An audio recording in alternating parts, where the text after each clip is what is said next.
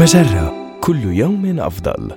من هارفارد بزنس ريفيو أحد مواقع مجرة. إليكم النصيحة الإدارية اليوم. كيف تكون موجها رائعا عن بعد؟ وجد العمل عن بعد ليبقى. وقد أدى هذا التحول إلى ظهور الحاجة إلى ممارسة المدراء والقادة للتوجيه الافتراضي.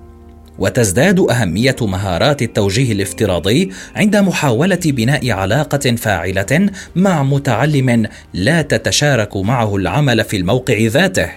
وإليك الطريقة اولا ركز على بناء الثقة.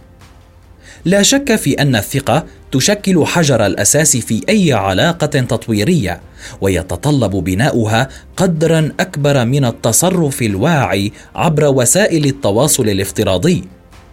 تحدث عن كيفية جعل العلاقة الافتراضية مساحة آمنة لكليكما وهذا يشمل الاتفاق على الحفاظ على سرية كل ما سيتم وما لن يتم تسجيله أو البوح به. واحرص على الوفاء بأي وعود تقطعها على نفسك. احرص على توضيح حدود العلاقة وقواعد التواصل وبالإضافة إلى تحديد وتيرة التواصل التي قد تختلف عما إذا كنتما تلتقيان حضوريا. ناقش معه وسائل التواصل المفضلة لديك. وأخيرا احرص على التعاون مع المتعلم قدر الإمكان.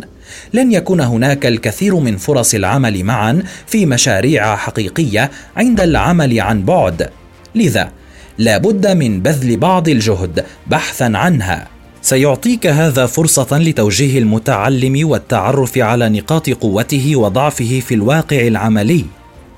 هذه النصيحة من مقال كيف يحصل القادة على الآراء التقييمية التي لا يرغب أحد في قولها؟ النصيحة الإدارية تأتيكم من هارفارد بزنس ريفيو أحد مواقع مجرة مصدرك الأول لأفضل محتوى عربي على الإنترنت مجرة كل يوم أفضل.